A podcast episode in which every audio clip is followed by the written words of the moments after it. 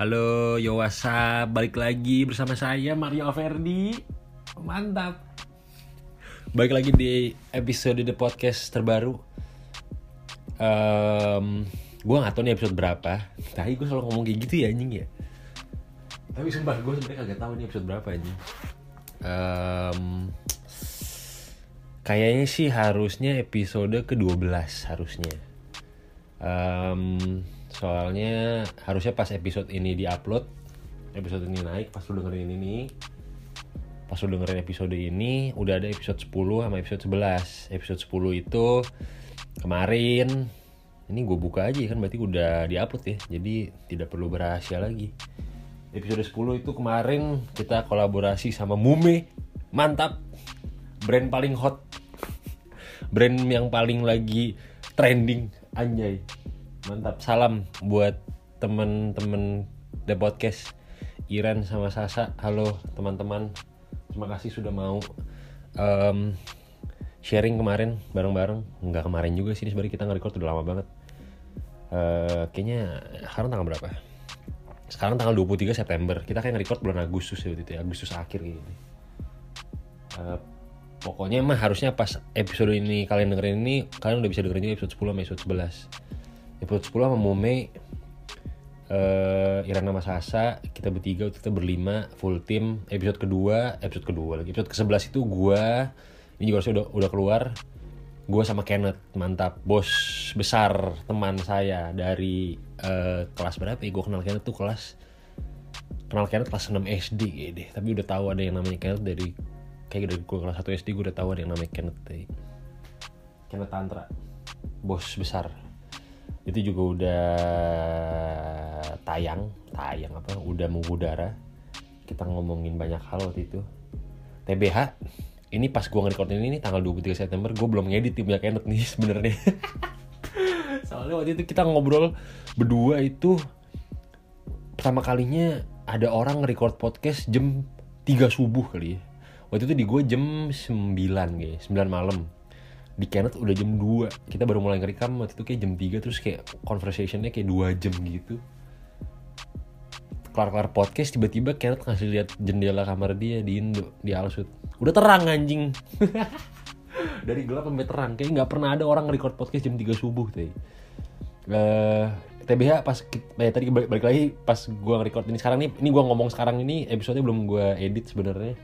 Tapi nanti pasti udah keluar nih pas episode ini keluar episode Kenneth udah keluar um, gue juga sebenarnya hari ini ini sekarang tanggal 23 September jam 20.48 ini gue baru aja kelar ngedit. Belum kelar juga sih tapi kayak draft satu uh, episode yang mume episode 10 jadi ini kayak mesin waktu ya anjing ya. Jadi sebenarnya pas lu denger ini ini gue ngomong ini sekarang laptop gue lagi ngehang anjing. Keberatan kali atau gue tua banget anjing.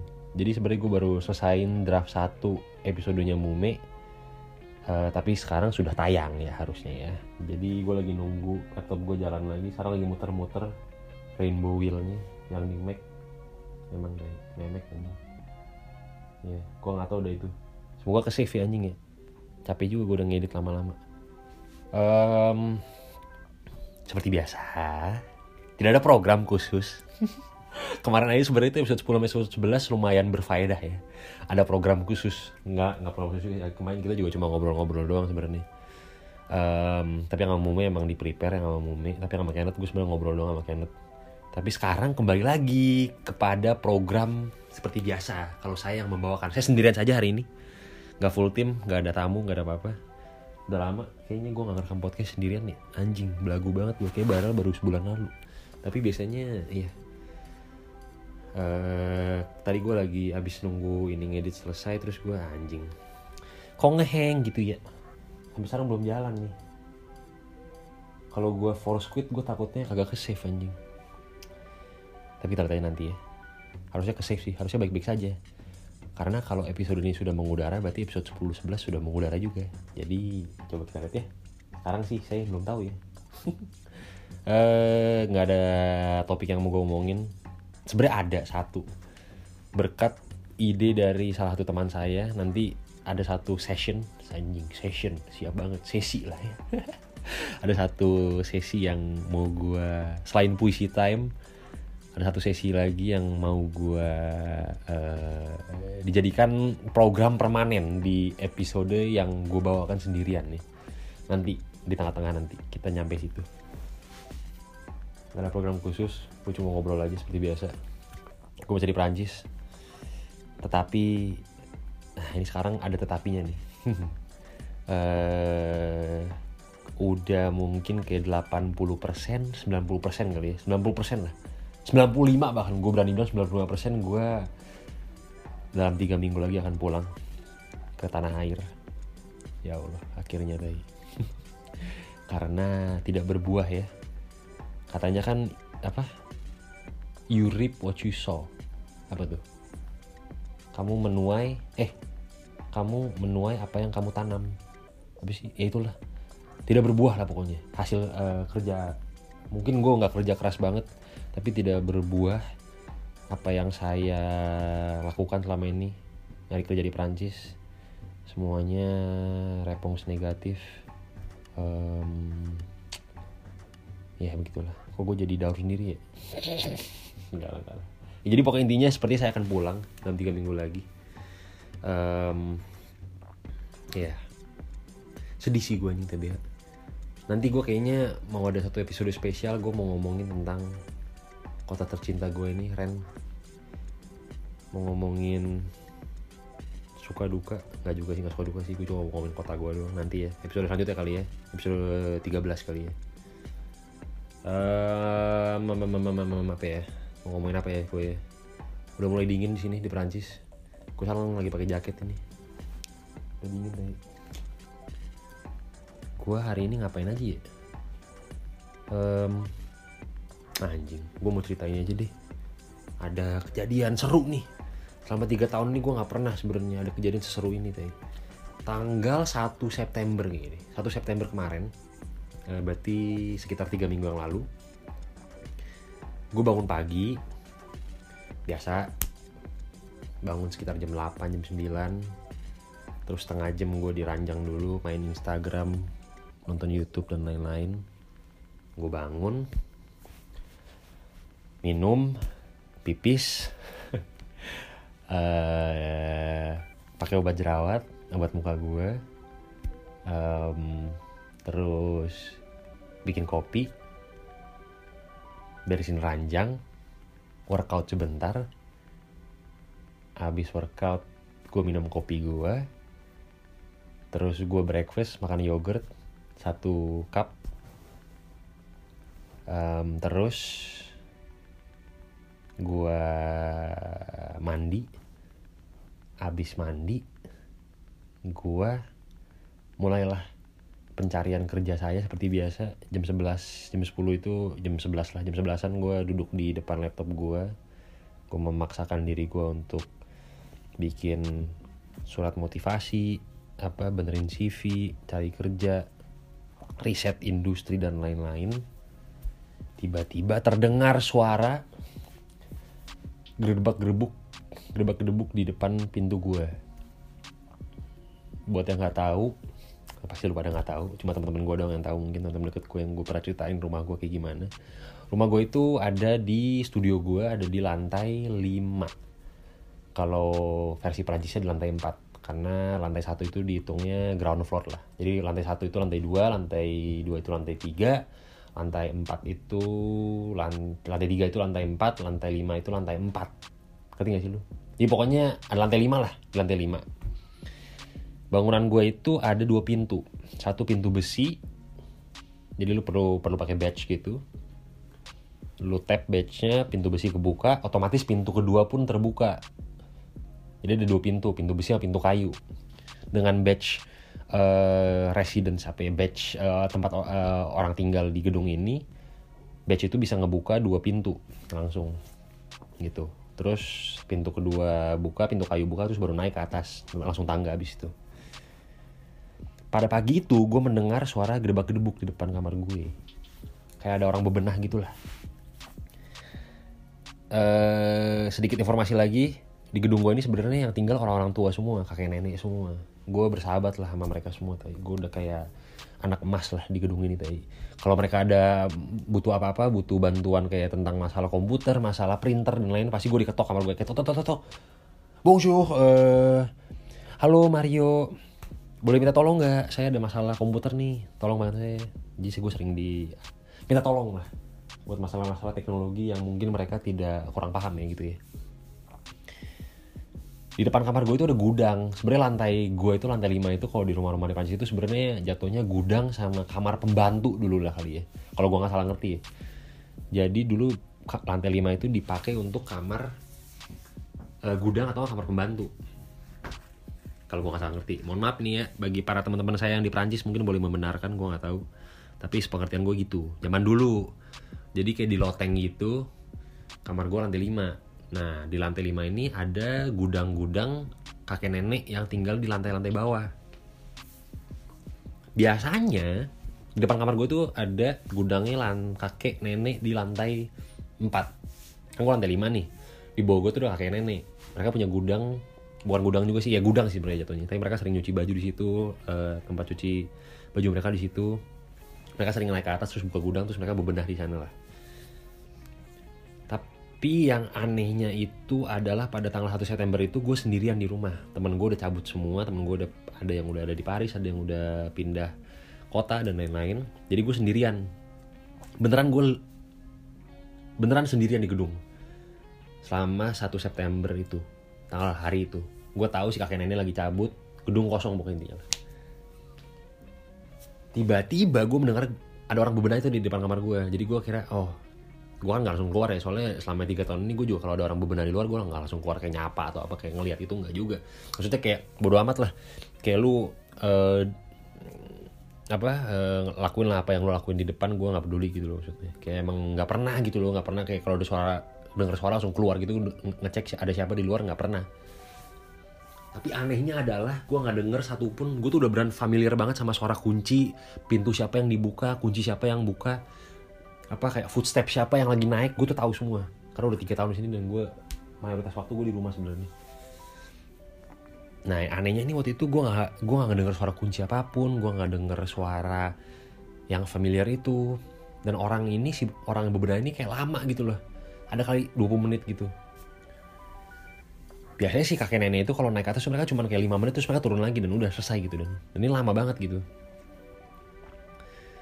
Um, gue ada Parno eh gue tuh orangnya Parno banget sebenarnya.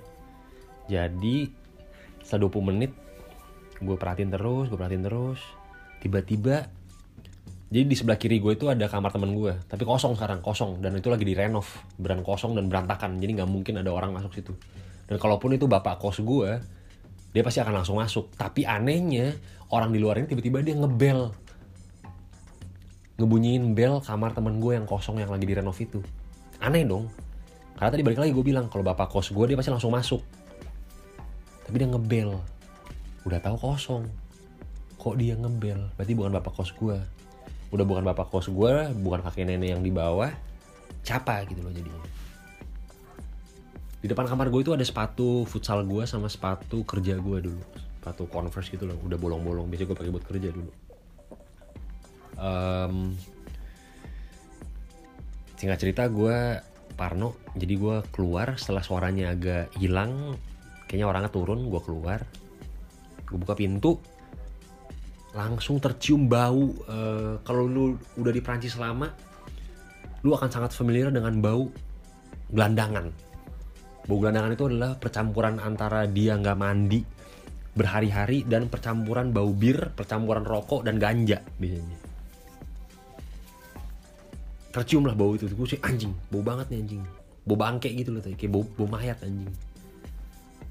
Gue suka waduh ini mah bukan kakek nenek bukan bapak kos gue gue lihat di ujung kanan jadi sisi jadi kamar gue tuh sisi kiri. Di sisi kanan itu ada kamar teman gue yang udah pindah dia baru pindah tuh hari sebelumnya tanggal 31 Agustus kayaknya deh singin gue dia pindah gue lihat di depan kamarnya kok ada tas kayak tas belanja gitu lah tas Ikea atau gak sih yang warna biru? Macam itulah. Bayangin kayak gitu deh. Gue lihat dong gue longok isinya kayak anduk-anduk. Atasnya anduk-anduk bersih gitu. Gue kira itu anak kos yang baru mau masuk.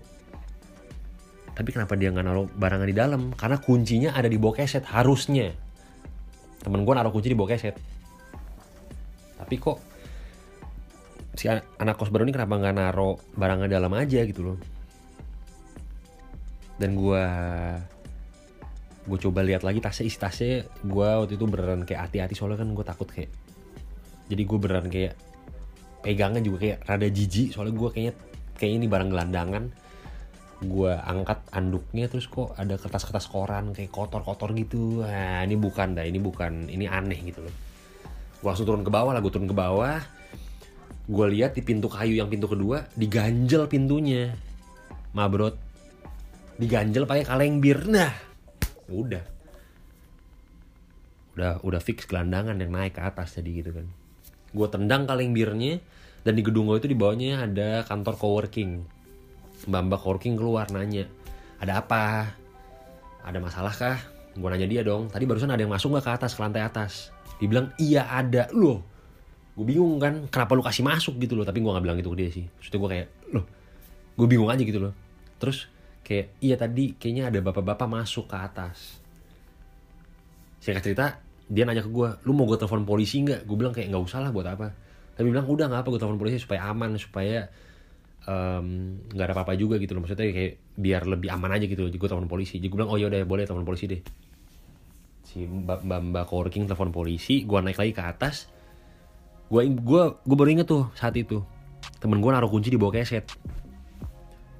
Gue buka kesetnya kuncinya nggak ada men. Waduh kayak kan. Kuncinya nggak ada. Terus gue lihat lagi ke depan kamar gue sepatu gue juga hilang anjing. Sepatu futsal gue tadi diambil anjing makin panik dong gue kan. Gue bingung waktu itu gue coba telepon teman gue terus gue gue mau nanya gitu eh kuncinya lu taruh mana? Tapi nggak diangkat sama dia saat itu. 5 menit kemudian selang 5 menit 10 menit gue denger suara orang naik duk duk duk duk duk duk duk. Gue ngelongok kan dari atas tangga gue lihat kelihatan tuh bajunya kayak gembel gitu lagi naik tangga kayak pelan-pelan gitu kayak mabok gitu kayak eh. Langsung gue turun dong langsung gue jegat ke bawah ke lantai tiga gue langsung kayak woi lu ngapain di sini itulah tapi gue nggak semaco itu gue kayak cuma woi woi lu ngapain di sini gitu Intinya gue nanya lah kayak, woi lu ngapain di sini gitu loh, lu ngapain, lu siapa? Kunci yang lu ambil mana, sepatu gue mana? Orang mabok kan, orang mabok lu tau sih orang mabok gak bisa diajak ngomong men Orang mabok cuma kayak, eh gue tinggal di sini sama pacar gue, gini gini bla bla bla bla. Ya kali anjing kakek nenek. Jadi rumah teman gue itu yang punya kakek nenek di bawah. Kakek nenek, kan gue pikir dong kakek nenek gak mungkin ngasih rumah ke gelandangan dong anjing mana mungkin dai. Enggak, enggak, gue tinggal di sini sama pacar gue. Jadi ini gue lagi mau ngambil barang gue. Ini kunci ada di gue. Terus gue kayak, dan posisinya waktu itu gue yang mundur gitu loh ngerti gak sih gue yang mundur sambil naik jadi gue yang kayak di gue yang mundur lah gue kan takut juga ya orang mabok sih anjing udah udah getua gitu lah lebih pendek dari gue tapi kan takut juga ya orang mabok kan lu nggak tahu lu nggak bisa nggak prediksi apa yang dia mau lakuin kan kalau orang mabok kan jadi gue mundur terus gue kayak oh yaudah yaudah jadi gue cari amannya gue langsung bilang kayak oh iya sorry sorry sorry sorry. Gue nggak tahu gue yang salah gue yang salah. Gue nggak tahu lu tinggal di sini sekarang. Dia kayak oh iya iya udah udah udah udah udah. Dia kayak ngomong-ngomong gak jelas gue juga gak ngerti dia ngomong apa. Terus langsung ke arah kamar temen gue sisi kanan. Dia ke situ gue gue langsung turun ke bawah. Gue langsung datengin lagi si mbak mbak coworking mana nih polisinya? Kok nggak datang datang bilang bentar bentar bentar. Lagi lagi on the way untungnya selang dua menit langsung ada datang. Empat polisi men. Gila nggak lu? Empat polisi tiga cowok satu cewek. Badannya gede-gede terus nanya kayak ada apa nih? Ada ada masalah apa? Gitu. Gue bilang aja kan ada ada ada SDF SDF tuh di sini SDF itu gelandangan lah intinya. Orang gak punya rumah lah intinya. Ada SDF di atas. Yaudah yaudah kamu tunggu sini terus uh, kita urusin.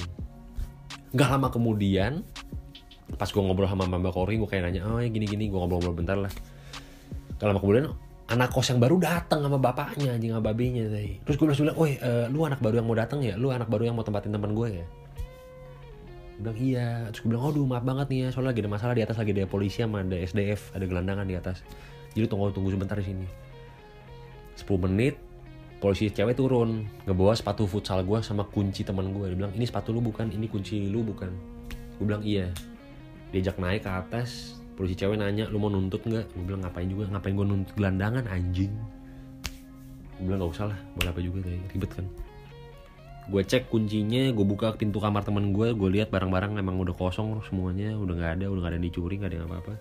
Sepatu gue balik sepatu dibalikin gelandangan dibawa turun.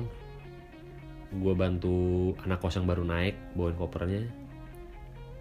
Terus uh, ya begitu pas gue turun itu pas yang polisi turun lagi gue lihat ke bawah lagi ada tiga polisi lagi naik motor men jadi ada tujuh polisi men hari itu teh cuma satu gelandangan orang mabok teh geger men gue nggak pernah selama tiga tahun di sini berhadapan sama polisi aja berusaha sama polisi teh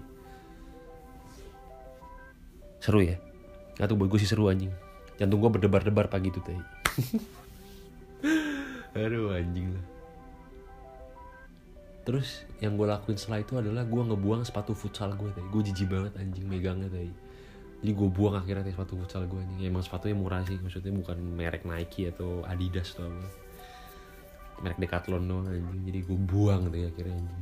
Gue jijik banget tadi um, ya. Yeah. gue gak tau kenapa ceritain itu barusan tadi ya udah 20 menit aja anjing. Um, iya tapi maksudnya nggak tahu sih anjing. Ngomongin gelandangan gue jadi mau ngomongin um, ah udahlah nggak usah lah nanti ini topik lain aja topik untuk episode selanjutnya. Tadi gue mau ngomongin tentang apa? Ada kayak satu apa ya metafor. Prinsip hidup bukan prinsip juga sih. Kayak metafor tentang uh, pergaulan. Tapi nggak nyambung ya. Tadi gue mau nyambungin dari gelandangan ke pergaulan anjing. Tapi nggak nyambung sama sekali. Baiklah kita masuk saja ke sesi yang tadi gue bilang. Uh, pertama-tama saya mau mengucapkan terima kasih banyak kepada teman saya Matthew El Rino. Mantap emang lu MVP brother. Semuanya saya mendapatkan banyak ide dari anda men. Gokil. Mantap brother. Terima kasih sudah memberikan ide ini. Gue belakangan ini nggak belakangan ini juga sih udah kayak kayaknya selama gue dari Prancis nonstop men kayaknya men. Dari 2017 gue berancet sama nih orang tiap hari deh anjing. Ada aja diomongin deh gue gak ngerti. Nonstop men di Instagram di WhatsApp di Line dulu. Semuanya pernah kita omongin deh. Sama kemarin kita sempat bikin lagu bareng mantep. Thank you men sudah ngajak berkarya.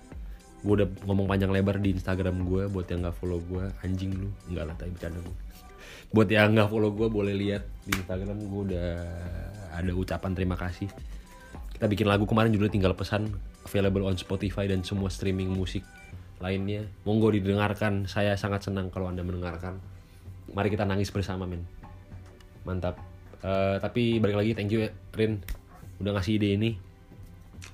Uh, Rino tuh lagi dengerin podcast gue yang episode berapa ya? 5, 6, tujuh gue gak tahu. Pokoknya eh tadi dari kemarin gue banyak ngomongin musik sih. Selain film gue lebih banyak ngomong gue juga banyak ngomongin musik. Waktu Rino kasih ide ke gue kenapa nggak lu bikin satu se satu sesi sendiri di podcast lu yang lu beneran ngebahas tentang musik gitu.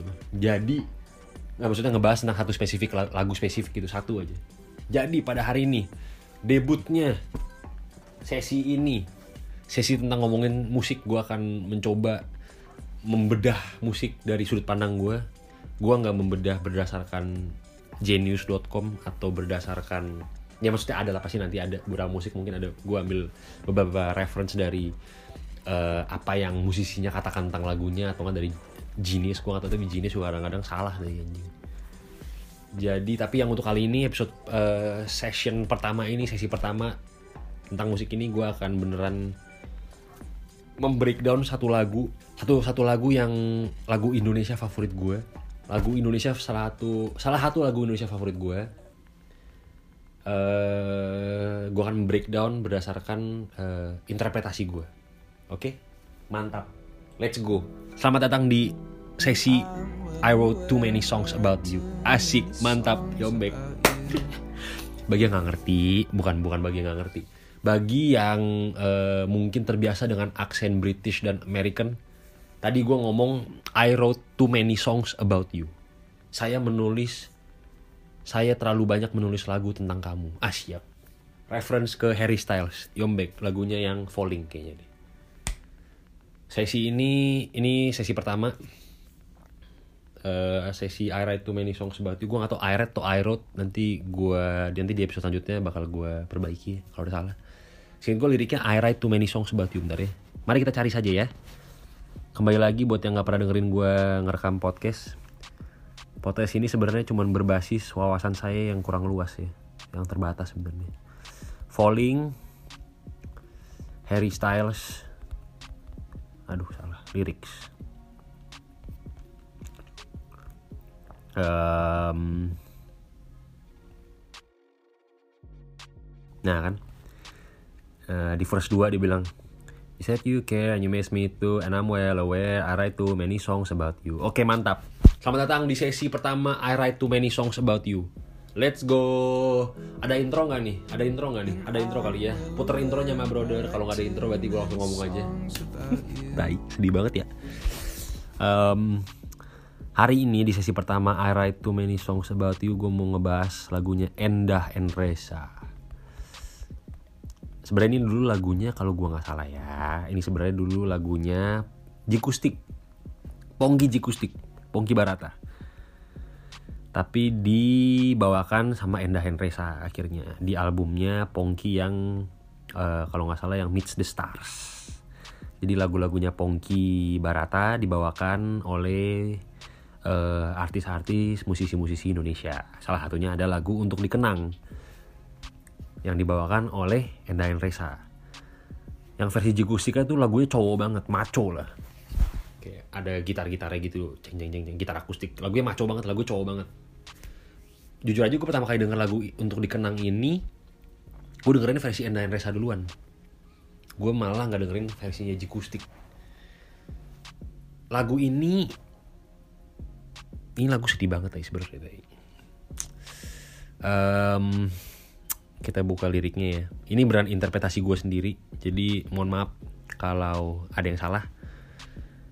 Ini beran interpretasi gue sendiri, karena balik lagi seperti yang gue bilang di episode sebelumnya, kalau gue bikin karya, gue mau orang juga karya itu setelah gue keluarin, gue mau orang-orang punya interpretasi mereka sendiri. Saat gue keluarin karya itu, karya itu udah bukan milik gue, karya itu udah milik para penonton, para pendengar, para penikmat gitu loh. Jadinya ini sekarang lagu ini dalam tanda kutip dalam tanda kutip yang sangat besar minta izin ya bang Pongki uh, Enda Henresa lagu ini milik saya sekarang dalam tanda kutip gitu loh. Jadi ini interpretasi gue ini versi gue gitu loh. Enda Henresa punya itu lagunya slow, lagunya santuy kayak melo-melo gitu, sedih-sedih gitu. Cocok didengarkan kalau lagi mendung, lagi ngeliat sunset lagi blue hour gitu-gitu ya. Lagunya itu ada kalau nggak salah tiga bait kalau nggak salah ya. Tiga verse. Jadi yang pertama itu gue gua kasih tau ini ini dulu gue ya apa interpretasi gue dulu ya. Interpretasi gue ide besarnya adalah lagu ini sebenarnya adalah sebuah dialog antara cowok dan cewek. Gitu loh. Jadi misalnya ya kalau dari gue ya verse satu itu itu yang bilang cowoknya. Cowoknya lagi ngomong. Jadi lagunya aduh gue mau nyanyi gue gak enak. Tapi saya coba untuk nyanyikan saja ya. Kalau suara saya jelek mohon maaf ya. Jadi verse satunya tuh gue bacanya kali ya. Nanti gue nyanyi dikit-dikit mohon maaf ya kalau suara gue jelek ya. Verse satu tulisannya uh, liriknya ingat aku saat kau lewati jalan ini setapak berbatu. Kenang aku bila kau dengarkan lagu ini terlantun perlahan. Nah itu itu bait pertama. Bait pertama itu yang ngomong cowoknya. Lanjut ke ref. Ref juga yang ngomong si cowoknya nih. Barisan puisi ini adalah yang aku punya. Mungkin akan kau lupakan. Atau untuk dikenang. Nah itu cowoknya ngomong tuh. Abis itu ceweknya bales Ingat aku bila kau terasing dalam gelap keramaian kota. Habis itu, kok nih liriknya kayak kurang ya? Bentar, bentar, bentar ya men ya. Ini liriknya kan, gue tadi buka di genius.com liriknya kurang anjing, sabar, sabar, sabar. Nih, nih, nih, nih, nih. First kedua ya, ini ceweknya ngomong nih.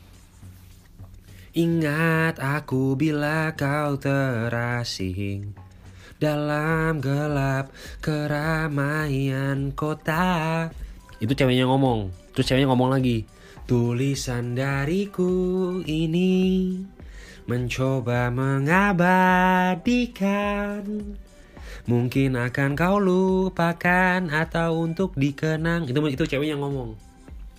Habis itu ada kayak interlude gitu kayak na na ni na na na na na ni na na na na na na ni na na na na na na na pokoknya ada kayak interlude dulu na na na na na na na na na itu menurut gua interpretasi gua lagi ya ini ceritanya bayangin gini nih cowok cewek ini lagi um, mereka lagi siap-siap mau LDR gitu lagi siap-siap mau berpisah untuk jangka waktu yang mereka nggak mereka nggak tahu gitu loh intinya adalah mereka lagi siap-siap mau berpisah dengan harapan akan berjumpa kembali gitu.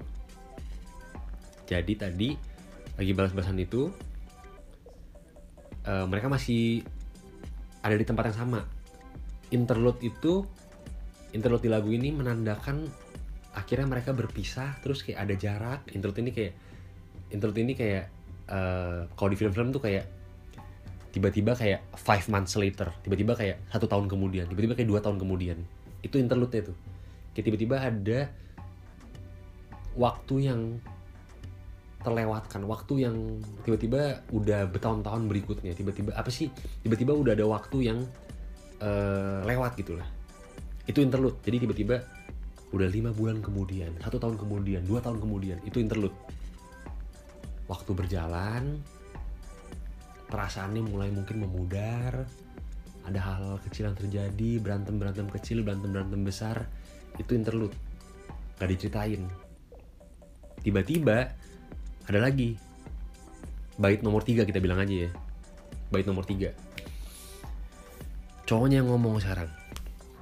Doakanlah aku malam ini Sebelum kau mengarungi malam. Itu cowoknya ngomong tuh. Terus cowoknya ngomong lagi. Diulang lagi kan. Barisan puisi ini Adalah yang aku punya. Mungkin akan kau lupakan atau untuk dikenang. Nah terus Chorus 2 Chorus 2 mengulang ref yang tadi ceweknya ngomong Tulisan dariku ini mencoba mengabadikan. Mungkin akan kau lupakan atau untuk dikenang. Habis itu lagunya habis men Jadi Ini nih. Menurut gue adalah kan menurut gue ya Itu menurut gue lagu ini adalah sebuah dialog gitu loh. Setelah interlude Cowoknya masih ngomong tapi ceweknya udah nggak ngomong gitu lah ibaratnya ya. Karena ceweknya karena nggak ada bait keempat tuh nggak ada. Cuma ada chorus uh, yang paling terakhir yang mengulang chorus bagian si cewek tadi yang tulisan dariku ini. Tapi nggak ada bait keempat. Jadi bisa kita menurut gue ya bisa gue anggap kalau cek pas cowoknya ngebales pas cowoknya ngomong setelah interlude setelah waktu berjalan setelah perasaannya memudar si cewek nggak ngebales balik gitu cowoknya masih ngomong doakanlah aku malam ini. Ya gak sih? Ntar ya. Ntar ntar ya kan? Cowoknya masih ngomong tuh. Cowoknya masih minta. Cowoknya masih minta buat ceweknya untuk doain dia. Tapi si cewek secara nggak langsung nggak ngebales. Tapi bisa juga kita kita interpretasikan kalau si cewek ngebales dengan dia mengulang chorus yang kedua yang tulisan dariku ini. Kita bisa anggap kalau itu ceweknya yang ngomong. Tapi menurut gue sekarang gue lebih suka gue lebih suka menginterpretasikan kalau si ceweknya nggak ngebales sebenarnya. Dengan kata lain yang ngomong yang ngomong barisan puisi ini sama yang bilang tulisan dariku ini. Itu sebenarnya cowoknya. Untuk yang di ref terakhir nih. Itu sebenarnya cowoknya yang ngomong. Sebenarnya kayak barisan puisi sama tulisan dariku ini kan sebenarnya barisan puisi sama tulisan kan rada mirip ya sebenarnya. Gitu loh.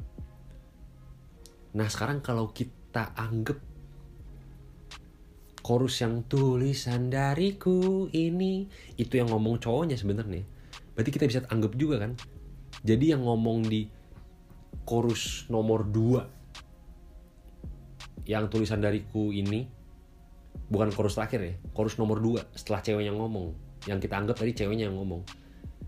Kalau misalkan kita anggap chorus terakhir yang tulisan dariku ini yang ngomong cowoknya juga berarti kita bisa anggap juga dong. Berarti ada interpretasi nomor 2 yang ngomong tulisan dariku ini di chorus nomor 2 itu cowoknya juga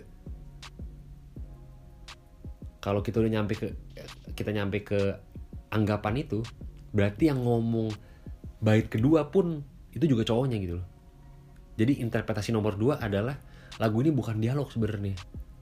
Lagu ini cuman cowok ini lagi ngomong sendiri dalam tanda kutip gitu loh. Jadi sebenarnya mungkin hubungan ini udah berakhir. Hubungan ini udah berakhir sebelum mereka berpisah gitu loh. Dan cowok ini sekarang lagi coba untuk apa ya? Untuk memperbaiki kesalahan dia gitu loh jadi sebenarnya dari awal itu kalau kita masuk ke interpretasi nomor dua ya dari awal itu sebenarnya cowoknya semua yang ngomong tuh cowoknya semua yang ngomong sebenarnya cowoknya yang ngomong ke ceweknya gitu loh. Kayak remember me dong gitu loh. Ingat gue jangan pernah lupain gue gitu loh maksudnya. Kayak cowoknya sering nulis puisi cowoknya sering nulis tulisan buat ceweknya Cow cowoknya selalu minta doa cowoknya selalu doain ceweknya terus. Secara nggak langsung minta juga ceweknya untuk doain cowoknya. Makanya dibilang kan doakanlah aku malam ini. Nggak tahu main lagunya sebenarnya bagus banget deh. Kalau lu perhatiin kayak apa kalau lu berani breakdown gitu ya kalau lu anggap kayak gitu ya. Itu sih men. Itu interpretasi gue ya dan barusan itu sebenarnya sangat personal sebenarnya gue nggak pernah cerita itu ke siapa siapa sebenarnya iya yeah. sebenarnya sangat personal barusan um, jadi sedih gue iya yeah. tapi seriusan men tapi maksudnya um, ada beberapa lagu itu emang beneran kayak kena banget gitu loh sama diri lu sendiri gitu.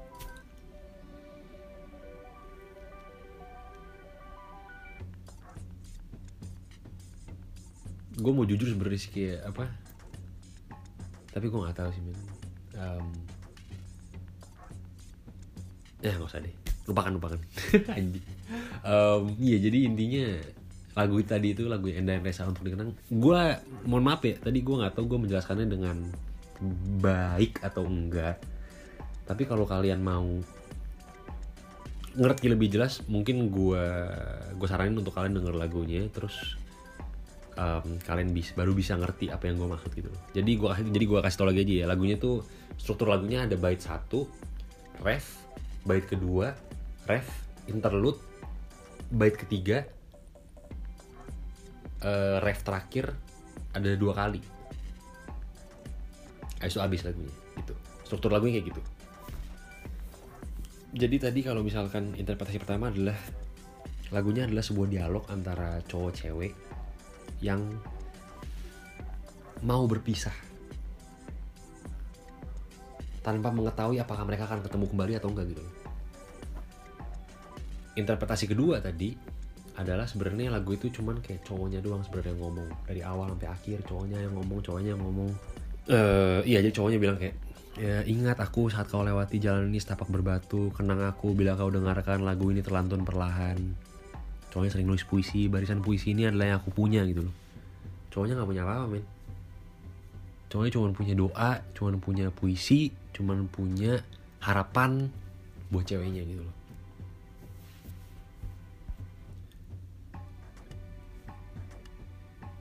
Yang sangat spesial dan yang sangat apa ya simple tapi ngena banget di gue itu adalah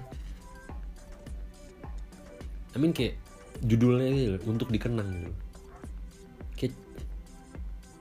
lu pernah gak sih ngeliat orang pasrah banget gitu? Maksudnya kayak gini deh. Lu pernah gak denger lagu lagu pasrah banget gitu? Maksudnya kayak kan pasrah banget kan nih? Mungkin akan kau lupakan atau untuk dikenang kayak ya udah gitu loh. Maksudnya kayak kalau lu lupakan ya udah kalau lu mau kenang juga ya udah nggak apa-apa. Tapi kepasrahan itu loh yang bikin lagunya sangat-sangat jujur gitu loh. Ini menurut gue ya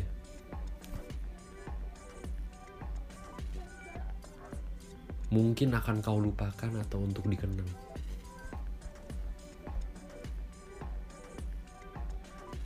Tulisan dariku ini mencoba mengabadikan. Balik lagi kan? Mungkin akan kau lupakan Atau untuk dikenang. Kayak udah pasrah aja men I mean kayak gak ada yang tahu gitu loh. Kalau lu mau inget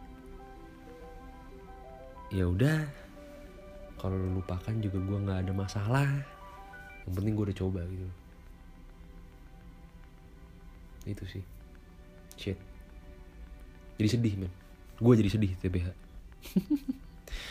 um, ya itu sih lagunya. Enda and Resa untuk dikenang. Uh, ada dua versi jadi tadi yang gue bilang ya. Ada versi jikustiknya sama versi dan Resa lagunya dua lagu itu sangat berbeda menurut gue. Lagunya beda banget sebenarnya. Mungkin nggak beda banget sih nggak banget sebenarnya. Tapi secara melodi secara mood secara vibe yang dibawa lagunya menurut gue sangat berbeda sih. Yang pertama menurut gue lagu versi Jikustika sangat maco ya. Kayak beran kayak wah cowok tough gitu. Tapi kalau yang kedua lebih uh, apa ya? Menurut gue lebih dibawakan dengan begitu tulus gitu kali ya. Gue nggak bilang versi Jikusika kagak tulus gitu maksudnya tapi yang kedua ada unsur yang ngebikin vibe-nya lebih ngena di gue gitu sih. Itu sih. Enda and Resa untuk dikenang boleh dimasukkan ditambahin ke playlist para pendengar yang budiman. Um, ya. Sumpah gue jadi sedih anjing. Gak bohong gue tai lah. Uh, udah 43 menit. Sesi I write too many songs about you nya saya tutup. Debutnya itu. Ada yang punya rekomendasi lagu yang mau di breakdown boleh banget kasih tau gue nanti gue dengerin terus gue gue gue breakdown kalau ada juga yang memberikan saran selama ini sih gue nanya nggak pernah dijawab ya. Ya anjing sedih banget. Tapi enggak lah tapi nanti nextnya ini bakal jadi sesi permanen. Daripada gue cerita nggak jelas daripada gue cuma ngerem doang anjing daripada gue cuma nge doang baik. Jadi mendingan ada sesi permanen yang lebih berfaedah ya. Seenggaknya kan gue sekarang bisa cerita dengan beran ada faedahnya gitu loh um, ya jadi itu tadi sesi I Write Too Many Songs About You nya saya akhiri terima kasih sudah mendengarkan para pendengar yang budiman sepertinya mau saya akhiri saja tetapi sebelum saya akhiri seperti biasa ada sesi nomor 2 puisi time Terima kasih sudah mendengarkan. Yang mau quit seperti biasa boleh banget quit. Kalau yang nggak suka dengerin gue baca puisi, kalau yang suka boleh tetap dengerin terus. Mari kita buka note saya. Terima kasih yang sudah mendengarkan. Semoga bermanfaat. Semoga episode ini bisa menemani kalian di mana pun kalian berada, yang lagi di rumah, yang lagi um, kerja, yang lagi masak, yang lagi nonton. Enggak lah, nggak mungkin nontonnya. Kalau nonton ngapain lu dengerin podcast? yang lagi di mobil yang lagi rebahan santuy yang lagi gabut. Terima kasih sudah mendengarkan. Sebelum semoga bermanfaat. Semoga suara gue semoga cerita cerita gue hari ini dua cerita ini dapat menghibur dapat uh, ya menghibur aja sih berani gue nggak muluk-muluk gue nggak bilang semoga bermanfaat karena sebenarnya kayaknya tidak tidak bermanfaat ya kayaknya ya. Semoga menghibur. Terima kasih sudah mendengarkan. Um, saya Mario Verdi terima kasih. Saya mau baca puisi dulu. Yang mau stay tune boleh. Yang nggak mau juga boleh stay safe guys. Jangan lupa pakai masker. Sehat-sehat terus. Titip salam ke keluarga semua. Titip salam ke teman-teman kalian semua. Eh, bye bye gua lanjut baca puisi ya. Mari mari mari. Kita pilih. Puisi puisi.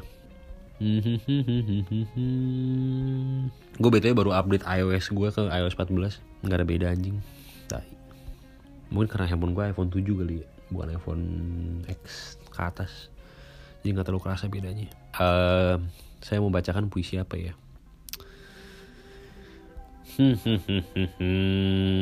Puisi apa ya? Puisi apa ya? Terbenam udah pernah kayaknya ya. refleksi macet. Singkat cerita udah pernah belum sih? Udah kayaknya. Kehidupan barat udah pernah aku harus pulang. Banyak mau udah pernah belum? Udah kayaknya rumah gua udah pernah jalur empat Hmm, empat terlalu sedih. Jangan jangan gereja musim gugur. Komplikasi. Komplikasi kali ya. Gue baca nih komplikasi deh. Oke. Puisi time hari ini saya akan membacakan puisi yang berjudul komplikasi.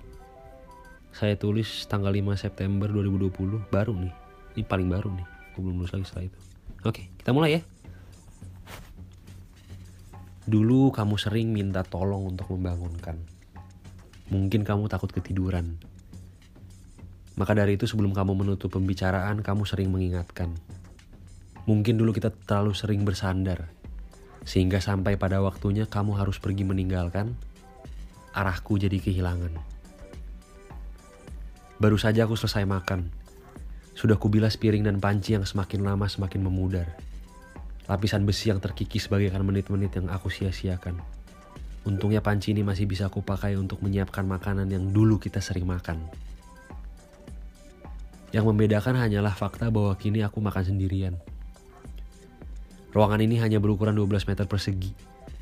Hati ini hanya menyisakan ruang-ruang untuk bersembunyi. Dan rumah ini hanyalah bagian dari cerita-cerita yang dulu kita sering bagi. Keluarga ini besar, Aku tidak lagi mendengar senyummu yang menghiasi lebar. Sudah mulai kulupakan tentang matamu, mulutmu, dan pipimu. Namun bila aku paksakan masih terlihat jelas matamu, mulutmu, dan pipimu. Terutama hatimu, yang begitu besar penuh dengan rasa peduli, motivasi, dan kasih sayang. Sayangnya hatiku hanya mampu untuk memudarkan. Siap. Itu puisi komplikasi barusan. Eh, terima kasih sudah mendengarkan. Semoga menghibur. Semoga bermanfaat. Tadi padahal gue baru bilang gue nggak mau ngomong semoga bermanfaat ya. Soalnya kayaknya emang gak ada manfaat sebenarnya. Em, intinya adalah semoga eh, menghibur, semoga kalian menikmati, semoga gue bisa menemani kalian dalam aktivitas kalian eh, pada hari ini, pada sekarang ini apa pun yang sedang kalian lakukan. Eh ya seperti itu saja ya. Terima kasih sudah mendengarkan. Eh, sehat-sehat selalu guys. Jangan lupa pakai masker. Jangan anggap remeh eh, virus covid. Eh, jangan ngeyel kalau dibilangin. Patuhi semua peraturan mau sekonyol apa pun menurut gue eh emang ada beberapa konyol banget sih tapi intinya adalah patuhi semua peraturan aja min. Jangan terlalu apa jangan terlalu rebel banget. Karena eh, daripada makin lama ya daripada diperpanjang mendingan kita sama-sama kita dukung semua peraturan yang ada. Manusia nggak ada yang sempurna pemimpin kita juga mungkin nggak sempurna kita kasih mereka kesempatan aja men untuk ini. Daripada potes-potes doang eh, mendingan udah diikutin aja dulu deh supaya akhirnya angkanya turun terus kita bisa kembali beraktivitas seperti biasa kembali ketemu teman-teman kembali berkumpul sama keluarga.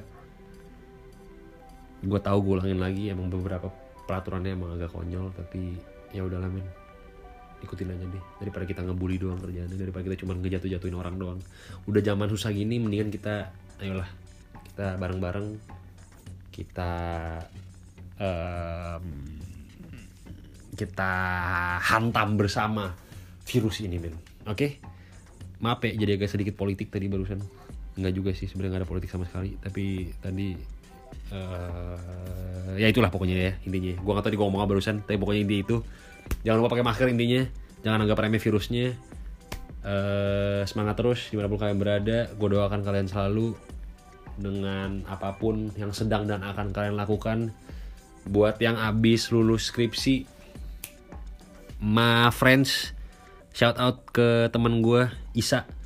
Terus pas gue nge-record ini harusnya besok Revander Hensis sama Lusa Michael Gosal akan sidang. Good luck geng pas kalian dengerin ini harusnya kalian udah selesai skripsi kalian udah lulus mungkin pas dengerin ini. Selamat Isa Revan sama Michael yang dalam minggu ini eh, sidang oke? Sampai ketemu geng di Jakarta nanti. Nanti kita main oke? Siap. Eh buat yang lain good luck terus dengan apa pun yang sedang kalian lakukan. Gue doain selalu. Em, ya. Terima kasih sudah mendengarkan. Nama saya Maria Verdi sampai jumpa di episode selanjutnya bye bye